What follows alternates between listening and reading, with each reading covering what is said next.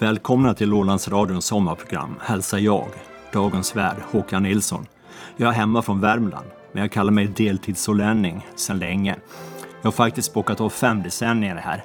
Men varför sommarprat säger ni säkert?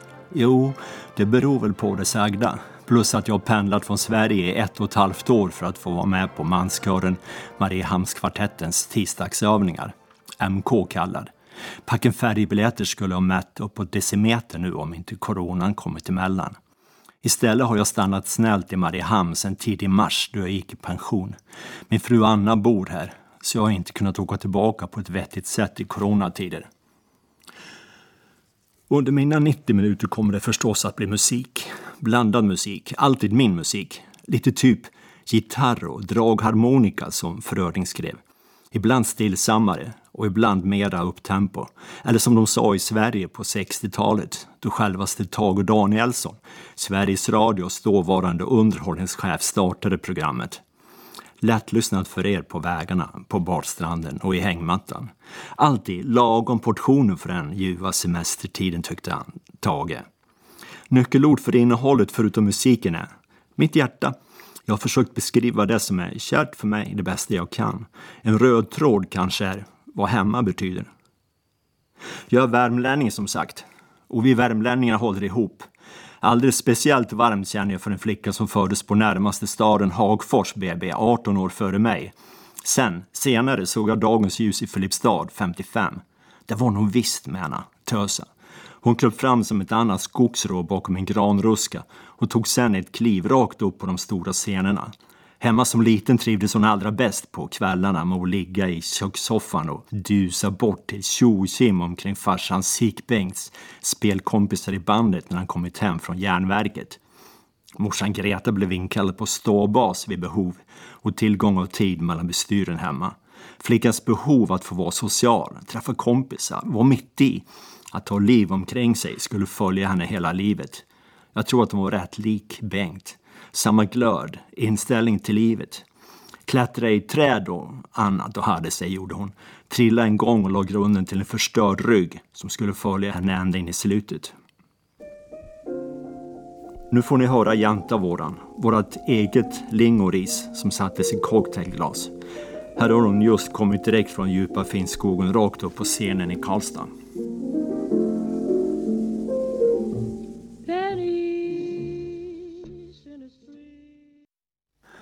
Var Monica Zetterlund, Moonlight in Vermont. Det var Monicas första riktiga demoinspelning från 1957, inspelad troligen bredvid Färjestads travbana.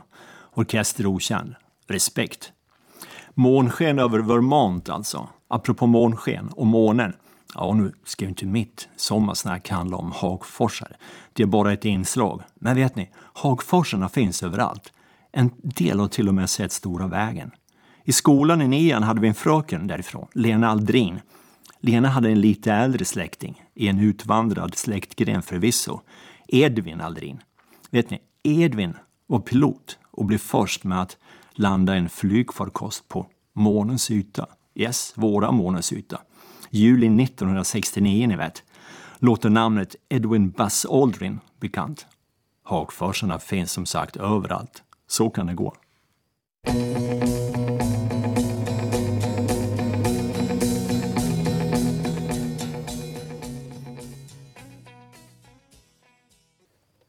Det var Ray Davis och hans The Kinks med Waterloo Sunset hemma hos Ray på bron över uråldriga, smutsiga Themsen i London. Jag tror att det är barn av 60-talet. Det var inte bättre då givetvis, men jag var tonåring då och allting verkade hända samtidigt. Engelska rock och rhythm and blues-revolutionen. När jag fyllde 12 sände mina föräldrar in en önskan till det oerhört populära radioprogrammet Det ska vi fira och Beatles rock and roll music. Hälsningen kom fram, nog, fast de spelade istället Sonja Stjernqvist och låten Lite jädra socker i botten. Herregud vad pinsamt. Och kompisarna sa att jag definitivt hade tappat min sista skruv. Många rockande ungdomar hade inspirerats av den största blueslegenden av dem alla, Robert Johnson. Det sägs att Johnson först var helt värdelös. Kass. En ökänd strängruskare. Hade inte ens en egen gitarr. Han försökte låna andras Fast ofta slutade det med att han kastades ut på huvudet i gruset utanför det stökiga kaféet. Ja, ja, jag har det inspelat här förresten.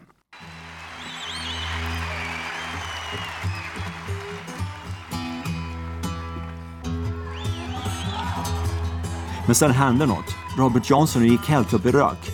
Väck i 8-9 månader. Ingen visste var han var. Ingen saknade honom heller för den delen. Han kom tillbaka, nyfödd, stöddig, stark, övertygande. Du, jag lånar din gitarr, sa han. Johnson spelade skjortan av alla som ville lyssna. De gamla hade förklaringen. Johnson hade valt den mörkaste vägen till berömmelse. Han hade gått ner till Korsvägen vid tolvsnåret på natten. Han hade väntat in en stor mörk man i slängkappa och sloghatt. Han hade gett mannen en gitarr och lyssnat medan Hin Håle stämde ner den en god stycke. Slå några ackord och lämna över guran igen. Johnson hade därmed köpt sig några år av stjärnstatus mot evig förtappelse.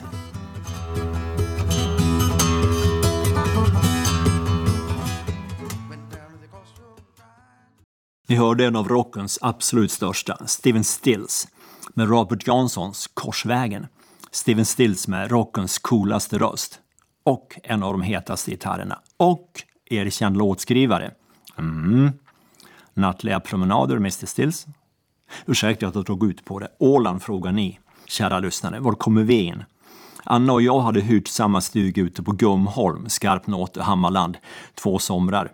88 och 89. Sen var det dags för någonting annat. Vi trivdes på Åland. Äldsta dottern Elin var nyfödd och vi ville ha någonting eget. Vi såg en annons i DN att en stuga skulle hyras ut vid gården Bruket, Norrviken, Lumpareland, hos Kalle och Gretel Eriksson. Sonen Jan jobbade hemma på gården och dottern Gumrit var utflugen till egen familj. Brukskalle blev en av mina allra bästa vänner någonsin i livet och han lärde mig så mycket om Åland. Han var ett stycke genuin skärgårdshistoria från Sottunga. Så vi skakade hand som kontrakt på stugan. Något annat har aldrig behövts hos familjen Eriksson. Och tant Greten bjöd på kaffe och bullar och kakor och skratt och lille kissemissen satte tassarna på korgkanten och tittade lite misstroget ner på vår lille telning Elin, tre månader. Sen, åren efter, skulle Elin bli tant Gretels trogna fäckspiga. Hon fick sitt eget bås med halm på golvet och hon tog in kalvarna en och en och klappade om dem väl, döpte dem, går alldeles bra utan vatten och skrev nogsamt ner namnen i sin lista. Tog sen in nästa lille kalv. Inte ett annars så viktigt barnprogram såg Elin den sommaren. Hon hade ju bättre saker i livet, Tank Gretel och kalvarna. Vi fick det extra far, morförälders par i Kalle och Gretel Eriksson och angående tre år yngre lillflickan Lina så tog hon inte sina första steg i livet mot mamma eller pappa. Nej, mot farbror Kalle såklart.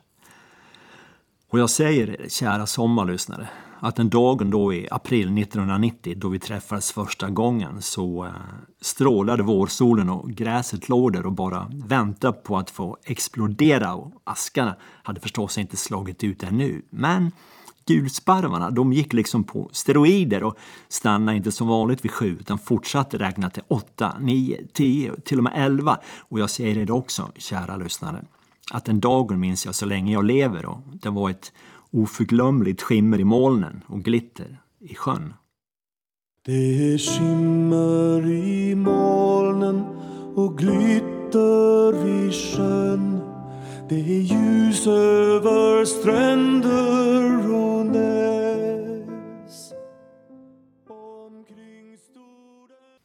Göran Fristorp med värmländske Gustaf Fröding sats nummer ett i fyrdelade sviten Strövtåg i hembygden.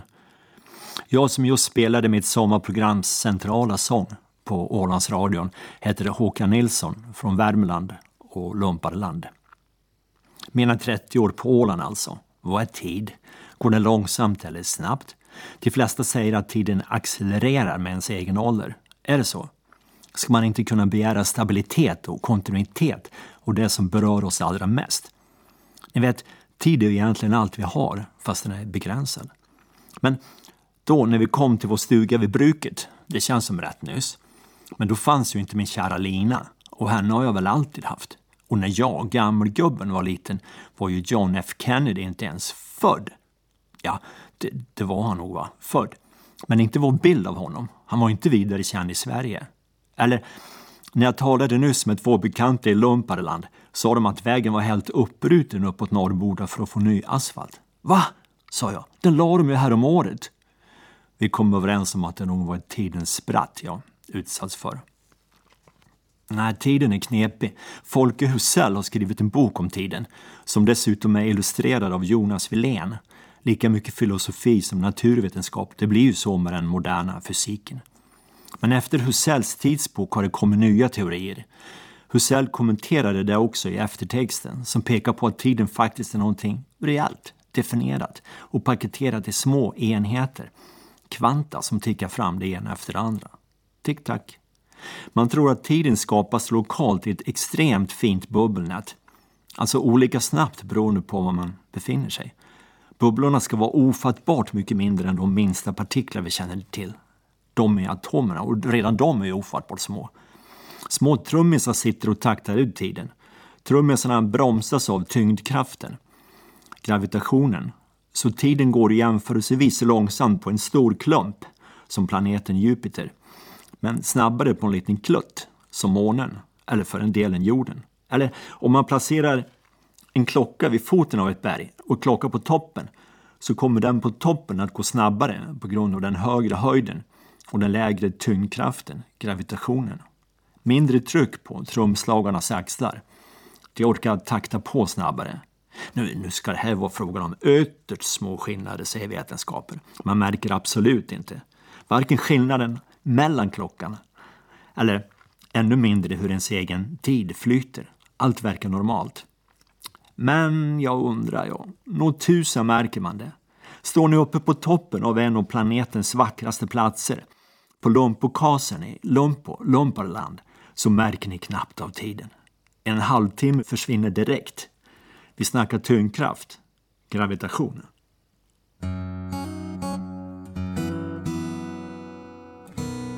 I left home when I was 17. Just grew tired. Det var Gravity, tyngdkraft med amerikanska Alison Krauss och hennes Union Station. Uppe på Lånpokasen ser man, nog mer med visst besvär, i norr bommar Sundsbron mot Präste. I öster och söder har martallarna vuxit upp under de senaste hundra åren och skymsikten. Men i väster, över Lumpos gårdar, över det urgamla vattenfyllda meteoritnedslaget vi kallar Lumpan, ser vi Mariehamns toppar två mil bort, eller ska man säga elva distans. Pommerns tre främre master ska synas med kikare vid god sikt. Det vet jag sedan tidigare. Jag tror inte att speciellt många är uppe där längre. Inte helt lättillgängligt och stigen är lite igenvuxen. Så det känns som min kase numera. Markägaren må förlåta. Tiden går fort, som sagt på kasen med vinden visslande där. Ni hör vinden nu när ni lyssnar.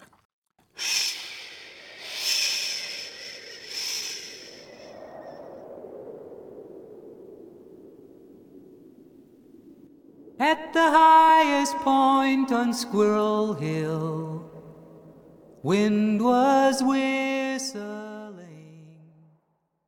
whistling. Engelske Ian Matthews stod i vinden uppe på sin kulle som heter Squirrel Hill, liksom låten. Anna och jag hade varit i Polen i 29 år och kände att vi ville ha någonting eget i Mariehamn. Så vi köpte vår lägenhet i april i fjol. Praktiskt för mig eftersom jag sjunger i Mariehamnskvartetten, MK. MK betyder mycket för mig.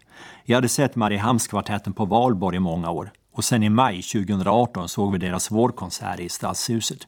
Det var den första manskörskonserten live för mig sen pappas kör.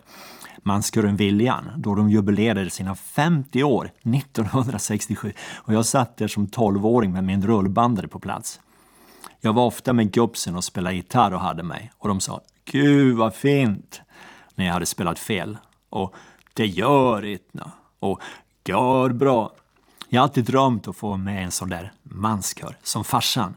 Men inte vilken kör som helst. Nej, en där de där silvriga, disiga första tenorerna högst upp ligger och svävar över alltsammans. Så då i Stadshuset, inledning, Griegs Sangerhilsen, som jag inte hört sedan manskören Viljans inledning 1967. Därefter, Stefan Kalmer går fram och hälsar alla välkomna. Vilken kille! Oj, vilken dirigent. Pips Justelin.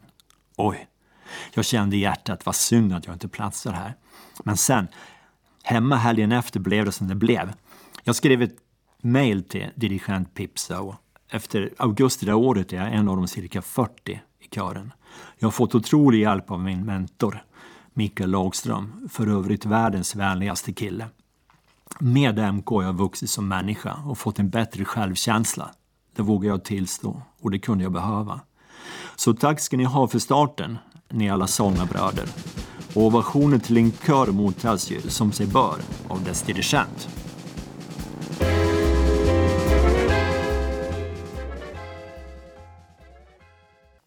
Ni lyssnar till Ålandsradions sommarprogram och dagens värd, jag alltså, Håkan Nilsson, spelar just Edith Piafs L'Homme à la moto, eller Motoristi, med härliga Susanna Haavisto. Jag har alltid fascinerats av språk. Det fick mig att leda ett projekt på jobbet med en företags global termdatabas med möjligheter till vidare utveckling mot allmänt språkbruk. Jag är ju absolut inte språkvetare eller ens terminolog. Jag härdar i kugghjul men jag hade tröttnat lite på hårdhetsdiagram i början på 2000. Projektet ledde till dagens termdatabas på företaget på 25-talets språk, så det är jag stolt över. När Anna och jag träffades gick, hela, gick jag hela svenska komvux finska kurs och kunde en hel del då. Jag har inte helt packat ner min förhoppning att lära mig finska bättre. Ett annat unikt språk är baskiskan i nordvästra Spanien Visste ni att medan man rimligt väl vet varifrån finskan kommer så kallas baskiskan ett isolat språk. Ingen vet säkert varifrån baskiskan kommer. Baskiskan är det näst största levande isolatspråket och det enda i Europa. Mina spanska kompisar och kollegor i mitt jobb innan jag blev panschis nu i mars, Miren och Carlos, från Donostea vid Biscayabukten har sina berättelser. Donostea är baskiska för San Sebastian det var ju så att en liten man med en stor kanon hade bestämt att utrota baskiskan för gott i Spanien då Mirens och Carlos föräldrar var barn. Ingen tilläts tala språket offentligt. Hur gick det då? Åt pipsvängen förstås för ilskpiggen. Så lätt kväser man inte ett språk som klarat tusentals år av kamp för överlevnad. Idag talar Miren flytande baskiska, som hennes föräldrar inte fick tala, medan Carlos tutar på med studierna. Jag tänkte åka till vackra Donostia när tillfälle ges. Jag har stående inbjudan. Vi aik har ju dessutom Alexander Isak i stadens pärla, La Real. Alltså fotbollslaget Real Sociedad i La Liga. Vi aik är förresten som Hagforsarna. Vi finns överallt. Vi och MK sjunger en svit på fyra satser på baskiska, minsann. Ett annat land som kämpat med mera lågflygande språk är Irland deras iriska officiellt språk både i Irland och i EU. Trots det finns det just nu bara mindre än en procent som har iriska som modersmål. Men dubbelt så många som använder språket dagligen. Så språket är betydligt mer i fara än baskiskan. Irländarna har sagt att det bästa sättet att rädda iriskan vore att förbjuda den. Kelterna har alltid haft hög integritet. Här kommer en keltisk körlåt. Jag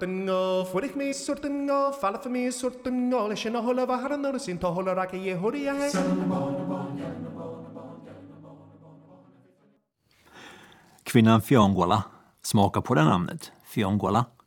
Det var Michael McLean och hans irländska blandade kör Anona med sin tolkning av Fiongola. Nog om kelterna. Vi måste vidare i programmet. Jag har ju haft en god tid i Tullinge också, halvvägs mellan Stockholm och Södertälje. Det bästa av allt är att få vara med mina döttrar Elin och Lina på deras aktiviteter. Jag har aldrig fattat varför sånt ska kallas curling. Det är ju en ynnest. Speciellt intresse har varit innebandy i Tullinge stolthet, FBI Tullinge, innebandyklubben.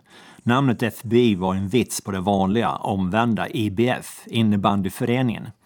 FBI blev då Föreningen för bollspel och idrott i Tullinge. En vits från 80-talet i en tid då innebandy hade låg status. Annat är det idag minsann. Och jag var en av tränarna i dottern Linas FBI Flickor födda 93. Jag hade den otroliga förmånen att få träna tjejerna från det att de var små flickor på 7-8 fram till att de var unga kvinnor ett decennium senare. Ah, jag måste få berätta det här för er, för vi prioriterade innebandy i ett decennium i vår familj. Speciellt Lina och jag. Vi tränare diskuterade med tjejerna och med föräldrarna att få gå in i en serie redan andra året, tidigt 2000, även om vi visste att vi skulle bli stryktjejer. Okej, okay, sa alla. Nå, efter halva säsongen hade vi ännu inte gjort ett enda mål, men flickorna var tappra. Vi tränare eldade på. Jag sa, det vänder sig, det vänder, tänk positivt. Vi har gjort det här så många gånger förr. Det kommer, det kommer. De satt där som små ljus. Och då lyfte nioåringa Elin upp handen. Alltså innebandy-Elin, inte min dotter. Ja, Elin. Håkan. När vände det? Det vände redan ett par veckor därefter. Då till och med Expressen hade kommit för att kolla de tuffa Tullinge-tjejerna som inte gav upp. Himlen öppnade sig när Amanda direkt skarvade en diagonal i nät vid ställningen 011. Ingen utom vi och Expressen förstod varför gänget i FB F93 kastade sig en enda hög, inklusive tränarna Lycka, någon tår. Första säsongen gick över förväntan och målskillnaden stannade vid ett framåt, 110 bakåt. Fem år därefter skrev Svenska innebandymagasinet om oss under rubriken Från utskrattade strykpåsar till mästare på några år. Vi hade jobbat hårt under tiden och jag vågar påstå att alla fick vara med. Inte ens någon försiktig toppning före 12 år var mottot i klubben. Och till slutspelet i Falun för finalomgångarna i det riksomfattande seriespelet 2007 hade vi mot förmodan kvalificerat oss som ett av två lag som fick representera Stockholm. Vi var riktiga underdogs redan hemma i Region Stockholm ska ni veta. De åtta bästa lagen i Sverige fick mötas i Falun för att göra upp. En gång för alla. För att göra en lång historia kort. Vi vann hela skiten och jag förstår vad medaljörer säger som upplevt riktigt stora segrar. Folk förväntar sig att man på frågan Vad är ditt lyckligaste minne? ska säga Du har gift mig, du har fick barn. Och det är de förstås, men ofattbara sportframgångar är något annat. Något helt annat. Vem satte förresten den definitiva spiken i finalen tror ni, när matchen stod och vägde? Jo, Elin förstås, som hade frågat när det skulle vända ett halvt decennium tidigare. Några år efter vår seger kopierade FB Tullinges flicka 96, tre år yngre än vi, vår bedrift. Sånt är såklart ingen tillfällighet. Bäst i landet, två gånger inom tre år. Om någon mot förmodan trodde att landets bästa tjejlag i tonåren, Sverige eller Finland, trots allt var lite sisådär. Tänk om det krävs klass. Både Lina och jag, men hon har tolkningsföreträde, säger att flickor fick lika stor uppmärksamhet som pojkar i vår klubb. Många tjejer, kvinnor, får nöjas med betydligt sämre förutsättningar. Det såg vi i hockeyn förresten, för Lina har hunnit med det också. Sämre matchtider, ofta i svinottan. Vilka lag tror ni klubbarna lägger ner först när det går emot ekonomiskt? Den frågan var retorisk, behöver inte besvaras. Och jämför förresten Matsjo-kommentarerna senaste åren mot våra fenomenala damer i svenska blågula fotbollselvan. Till och med från herrlagets dåvarande kapten i egen hög person då 2014. Då denne förolämpade vår klippa Therese Sjögran och det grövsta då Therese tänkte lägga skorna på hyllan. Det var så fullständigt respektlöst. Så gör inte min kapten. Och ska det vara så här att ingen individ med civilkurage nog i förbundet ställer sig upp och reagerar så kan det gott få vara för mig och herrarna tills vidare. Ibland tror jag att ni ålänningar är ett stycke längre komna i viktiga frågor. Jag hänger med i debatten i båda tidningarna och jag gillar diskussionerna. För primärt är det ju jämlikhet mellan könen och angränsande frågor angående grundläggande begrepp som för de flesta människor har självklara svar. Till exempel alla människors lika värde och värdet av mångkultur i motsats till monokultur som diskuteras just nu ända in i juli av påkommen anledning på Åland ända upp i landskapsregeringen. Men nu gällde det ju innebandy och mina flickor i FB Tullinge 93. Det var otroliga, väldigt jämnt lag. Ingen diva. Laget gällde alltid. Kämpa, kämpa, pannben, pannben. De håller kontakterna nu. Snart ett decennium sedan de blev juniorer. Systrarna i FB, flickor, 93. Jobbar på tvätten i Arlöv Ni hörde Agnes Karlsson med Nationalteaterns Hanna från Arlöv Det känns knappt som man hört den förut. Låten var inspelad på vår systerö Gotland under tv-programmet Så mycket bättre och sällan har väl programnamnet passat bättre. Den låten gillar säkert ni Ålandskvinnor, dokumenterat starka och självständiga sedan århundraden. Håll i nu bara, säger dagens sommarvärd på Ålandsradion, Håkan Nilsson, Lumparland och Värmland. Jag flyttade till Stockholm 1976 för att studera materialteknik. Mittlekofors i Filipstads kommun hade varit järn och stålcentrum i 300 år och det ledde mig till studierna. Då jag kom dit visste jag inte mycket om Stockholm. Allt var så stort för en kille från skogen. Stockholms centrum, Nedre Norrmalm, Gamla Klara, revs ju tämligen självsvåldigt av de styrande under 20 år runt 60-talet. Ni som är i min ålder kanske minns finansborgarrådet Hjalmar Mer, eller Almar ner som han kallades efter Kungsans almdebacle. Det resulterade i en så kallad riksgrop då Klara revs som mest täckande området mellan centralstation och NK. 700 fastigheter jämnades med marken. Det är sagt att det kunde tillåtas för att svensken inte är särdeles estetiskt kultiverad. Det skulle inte kunna ha hänt i Frankrike, sa någon. Kanske också att vi haft för stark tilltro till politikerna. Ja, det har nog inte varit min strid. Stockholm kanske inte riktigt har varit min stad heller, trots allt. Men Stockholm är fortfarande sanslöst vacker. Ni vet, världsstad. Liten, städad och med blått vatten överallt. Sånt känner vi till på Åland. Men det som fastnat bäst hos mig är nog ändå människorna, stockholmarna. De stockholmarna jag minns allra bäst är mina kompisar på mitt första jobb uppe vid Liljanskogen, metallforskningen. De gamla infödda stockholmarna var helt enkelt underbara. Elon von Walden, ett namn för en hertig, alltid vänlige Elon med sitt hållfasthetslabb. Elon hade långtidsprover i källaren som var inne på fjärde året. Krypegenskaper kallas det. Metallen ger sig långsamt under last. En annan kompis heter Stig Östman, basen i verkstaden. Inget var möjligt för honom. Han var då som jag är idag, i pensionsåldern. Stickan avslutade sina meningar med Sörre. Alltså, förstår du? Ser du? Sörre. Jag hörde när Stickan snackade engelska med våran kines, Mr Gong, att Stickan slutade också engelska meningar med Sörre. You will find a hammer on the table to the right, Sörre. Och Mr Gong var glad, tacksam och imponerad. Mr Östman, väldigt, väldigt polite, sa han till mig en gång. He always says sir. Mr Gong trodde Stickan tilltalade honom med sir. Eller på en fullsatt tunnelbana hem från jobbet. Stickan innanför mig i bänken, knäpptyst överallt. När en gangster kom in, skrek och levde rövarna och hotade en kvinna en till. Inte en sekunds tvekan från Stickan. Han gav mig direkt sin portfölj, tryckte sig förbi och kastade egenhändigt ut killen vid nästa station. Ja, ja, lugna dig, kved glopen. Jag menar ju egentligen inget illa.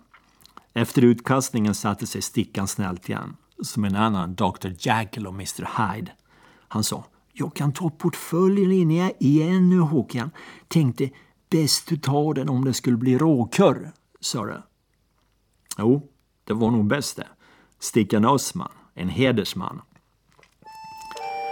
Här ska ni, kära lyssnare, få höra en visa av och med två andra urstockholmare.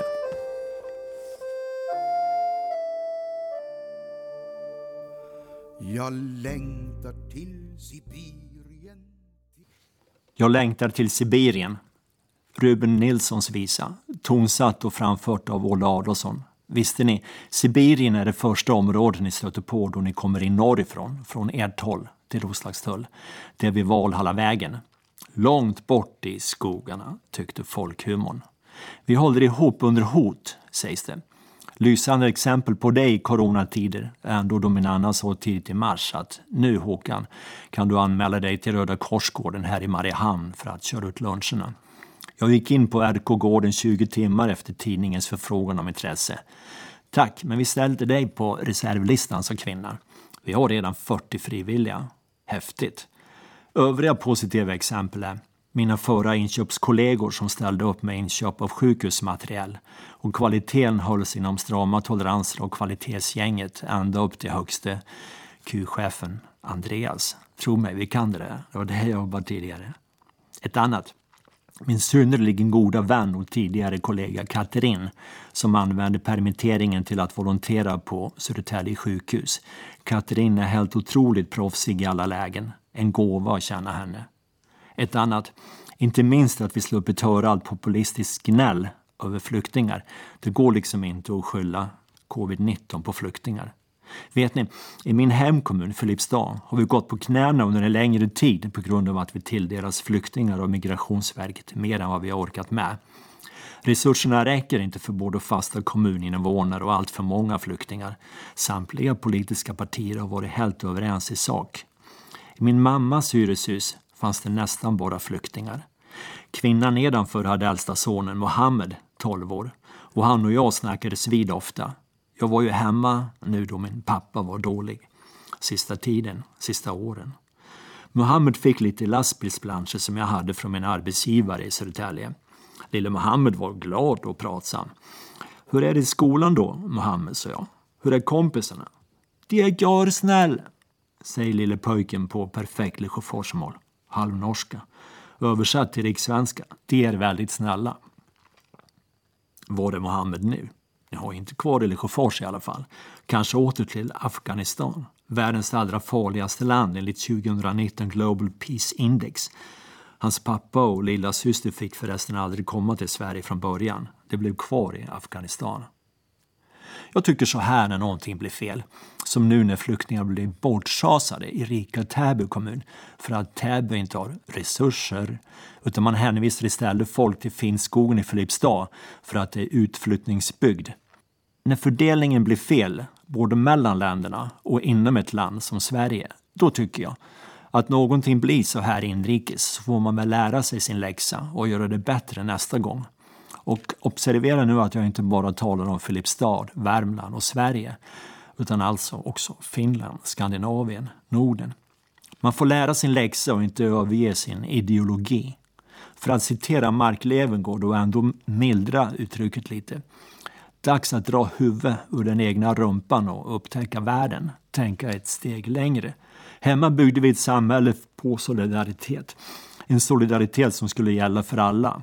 Vi var placerade mitt i tio skogen, men vi hade folk som kom överallt ifrån för att få jobb. Inte minst från Finland. Jag hade många kompisar där på första jobbet. Hotti, Kirjavainen, Laaksonen. Vi byggde upp Sverige tillsammans. Morfar Eskil Falk knäckte inte ryggen i valsverket framför valsarna för att vi skulle montera ner solidariteten något decennium senare.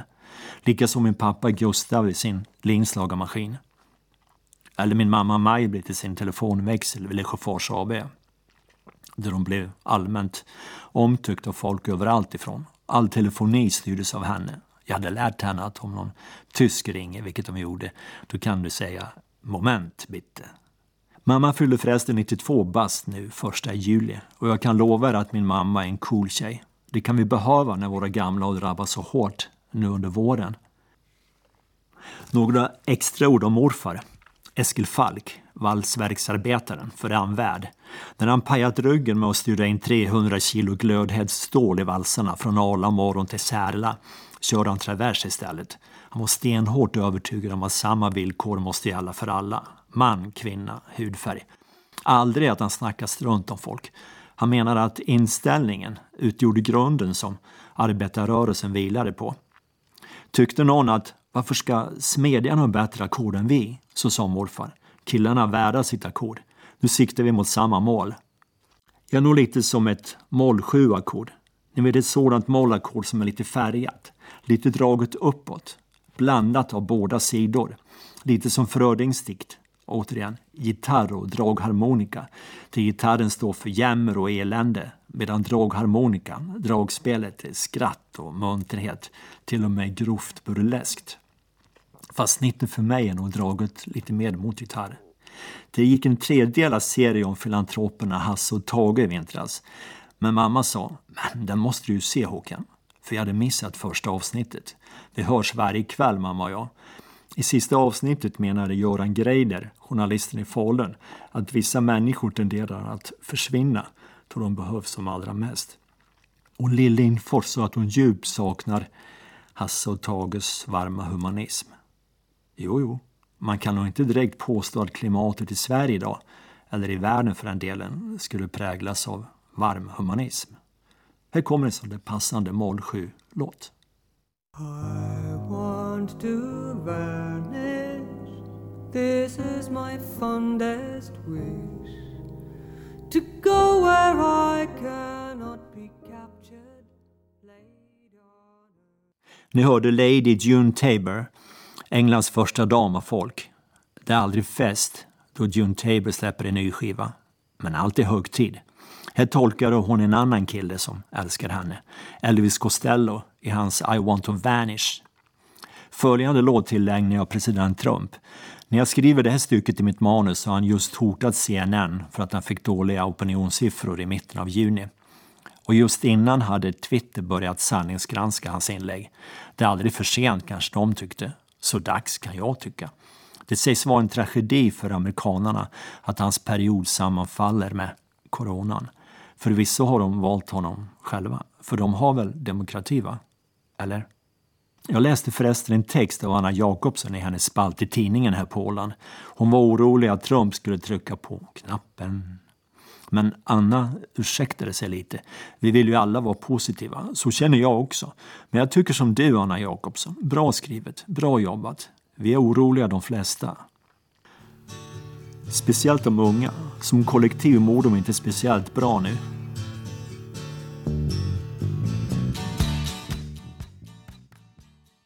Eller hur?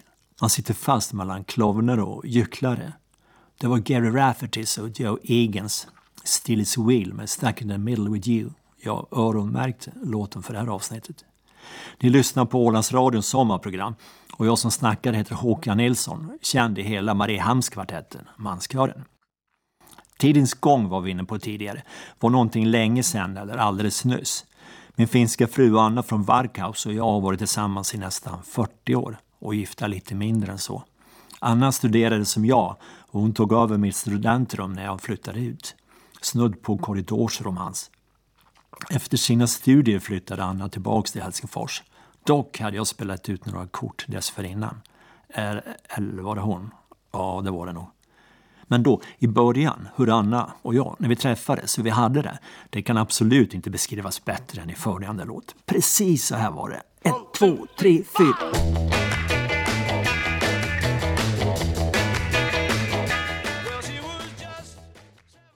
Behövs det någon avannonsering? A Sir Standing There, tidig swinging Beatles. Rakt på bara.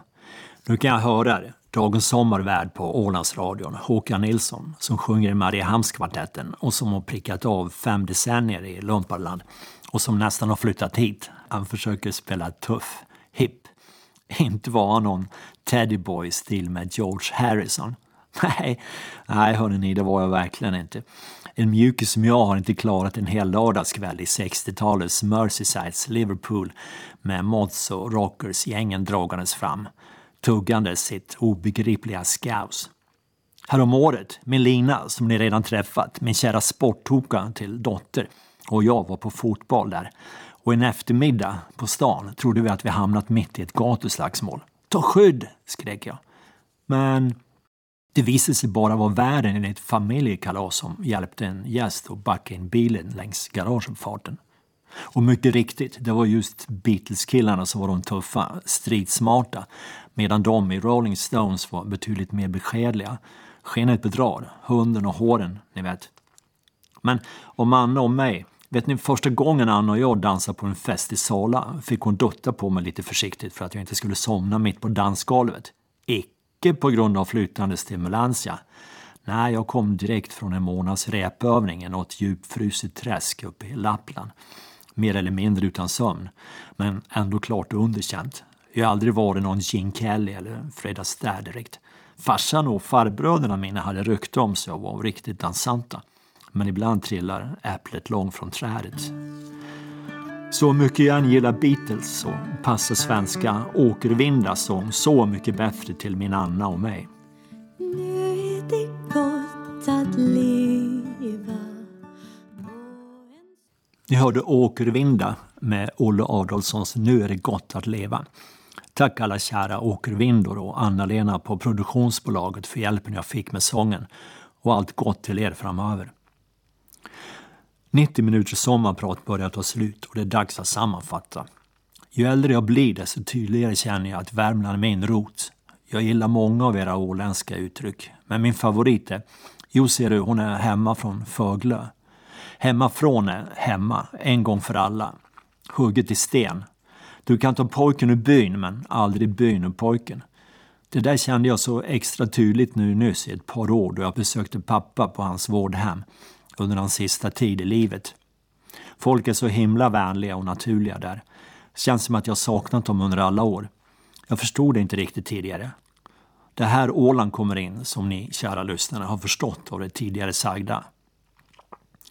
Vi har vår tvåa i Mariehamn och Anna bor där tämligen permanent. Vi hyr också förstås fortfarande vårt torp i södra Lumpaby, Lumpaland. Anna får ägna sig åt sitt konsthantverk. Hon har sitt arbetsrum på Salt i Sjökvarteret. Hon är aktiv i Ålands slöjd och konsthantverk. Textil har alltid varit hennes dröm. Hade det funnits någon rättvisa i världen skulle Anna ha varit sommarvärd istället för jag. Men stanna kvar den snälla, för följande låt är inte den sista.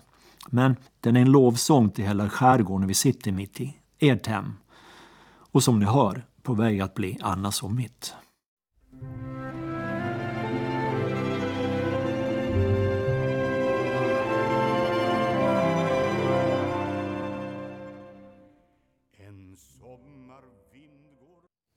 Skärgårdsbrevet. Ett faktiskt brev skrivet och tonsatt av Olle Adolfsson till vännen Berra. Skrivet just när skärgården kommer utifrån vintern. Alltså komma utifrån vinter. Visst låter det underbart? Berra, som var bortrest i Spaniens soliga land på obestämd tid, det vill säga Sven-Bertil Taube, som ju också sjöng visan, nu här just och i Alandica häromåret tillika. Jag som haft Ålandsradions sommarprat idag heter Håkan Nilsson. Jag sjunger i Mariehamnskvartetten. Jag kommer från Sverige, bor där än, men min finska fru Anna bor i Mariehamn. Dessutom hyr vi sedan 30 år i torp i Lumparland. Vi har aldrig kallat oss sommarålänningar, vi har alltid sagt deltidsålänningar. De passat bättre på oss. Nu blir det 100% Åland. För inte allt för länge sedan, i kyrkokören i Tullinge, där jag var med några år, sjöng vi en gång vid valborg Grysner Anderssons Vår psalm från Åland. Och efteråt kom folk fram till oss och frågade vad var det för vacker psalm ni sjöng? På den tiden visste jag förstås vem Knut Grysner var, men numera är vi kompisar i kören. Jag läste om en känd svensk kompositör. Ja, men det var ju Olle Adolphson förstås, ni har redan förstått att jag diggar honom. Han menade att det största och finaste som kan hända är om sångerna liksom lämnar kompositören, flyger iväg för att tillhöra folket. Då kan jag inte tänka mig ett bättre exempel än Knuts psalmer. De kommer att sjunga så länge det finns folk i detta vattenland. Ett folk som kallar sig ålänningar. Alltså min tid är slut och nu har jag fått tala ett sommarvärdskap, ett sommarprat. Det hade jag inte trott då på bruket, i Lumpaland i april 1990, i början, på Åland. Så eh, är alla grindar öppna nu mot Sommarhagen. Är alla kvar här inne sen intåget, då i juni? Bra. Här kommer Knut Grusner själv med sin och Göran Anderssons Sommarsalm från Åland i en alldeles ny CD som jag fått direkt av Knut själv. Vid orgeln Kai Gustav Sandholm. Ha nu en härlig fortsättning på sommaren säger jag, Håkan Nilsson, dagens sommarvärd på Ålandsradion. Från våra studiotekniker Fred Jonsson och Joakim Solborg och mig. Tack för att ni lyssnade. Och som en kompis Peter brukar säga, tack och förlåt. Ha det gott!